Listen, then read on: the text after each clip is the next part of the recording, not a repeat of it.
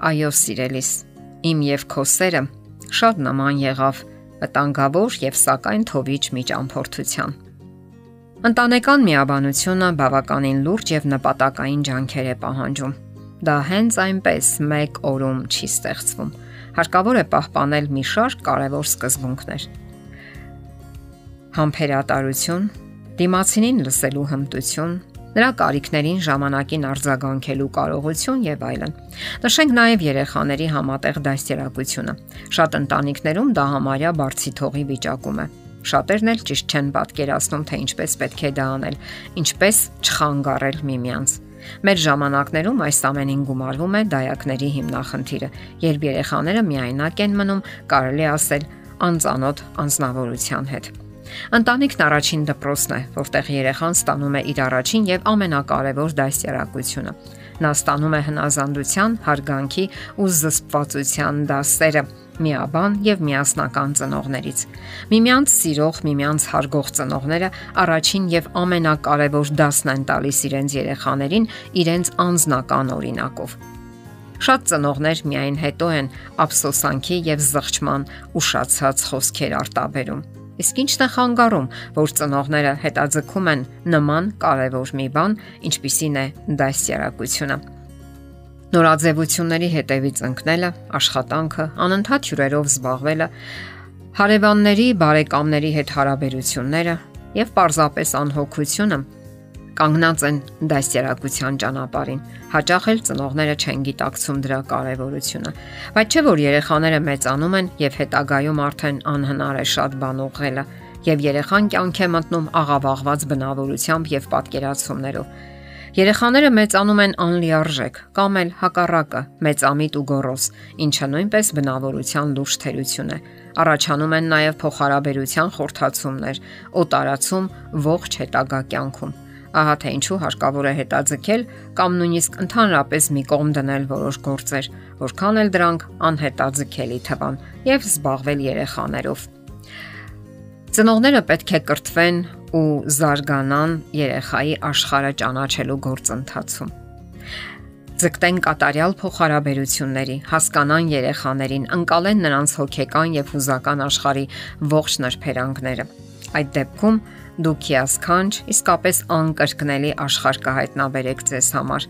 մասնակցեք այդ գործընթացին երկուսով ամուսիններով։ Այդ դեպքում դուք կլրացնեք միմյանց հրաշալիորեն կհարստացնեք նրա աշխարհը եւ վստահ եղեք, որ ինչպիսի ջանքեր որ գործադրեք, այնպիսին էլ կլինեն համապատասխան պտուղները։ Դուք կտեսնեք, որ երեխաները ձեր կողմից են, որ նրանք պատրաստ են ձեզ օգնելու եւ համագործակցելու այն հարցերում, որ դուք կառաջարկեք նրանց։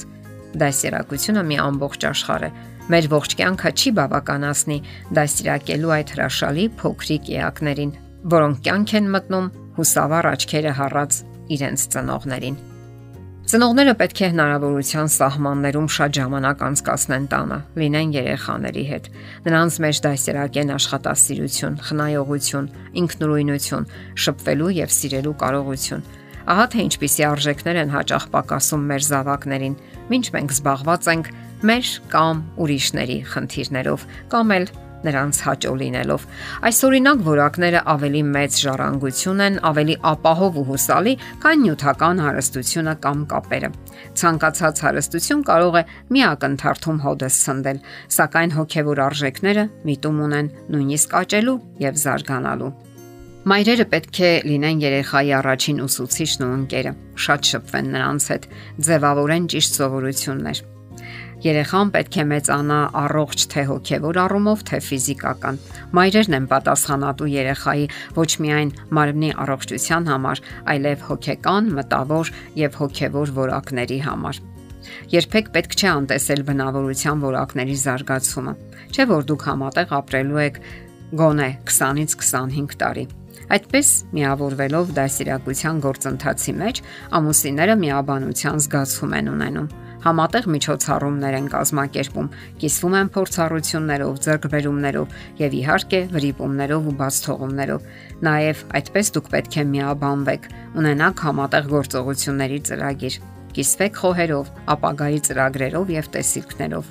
Միաբան ծնողները համատեղ են պայքարում եւ համատեղ էլ ուրախանում են երեխայի հաջողություններով եւ նվաճումներով, վերլուծում են իրենց սխալները, որոշում են այլևս դրանք չկրկնել եւ հանկարծ նկատում են, որ այդ համատեղ քննարկումները միավորել են իրենց մեկ միասնական նպատակի մեջ իսկ երեխաների համար հենց միայն դա հրաշալի դաս է եւ օրինակ, որին նա պետք է հետևի իր ողջ կյանքում։ Եթե ծնողները ցանկանում են միաբան ընտանիք ունենալ, հաստատել ու ձևավորել, պետք է ծրագրավորեն իրենց համատեղ ժամանակը, որը միայն եւ միայն պետք է իրենց պատկանի։ Ինչ իմաստ ունեն ծնողների համար ավելորդ իրերը, վերջանքի առարկաները, նյութական ձեռքբերումները, եթե կյանքի կարևոր պահերը նրանք չեն նվիրում իրենց երեխաներին։ Նման բաները պետք են միայն չհաստատված մարդկանց, ովքեր դրանով փորձում են հաստատվել, միայն ավելի խորացնելով իրենց հոգևոր ճգնաժամը եւ դեպրեսիվ վիճակները։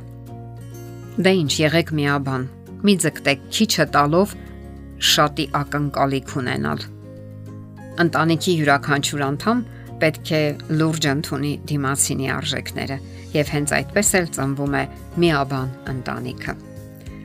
Եթերում ընտանիք հաղորդաշարներ։ Հարցերի եւ առաջարկությունների համար զանգահարել 033 87 87 87 հեռախոսահամարով։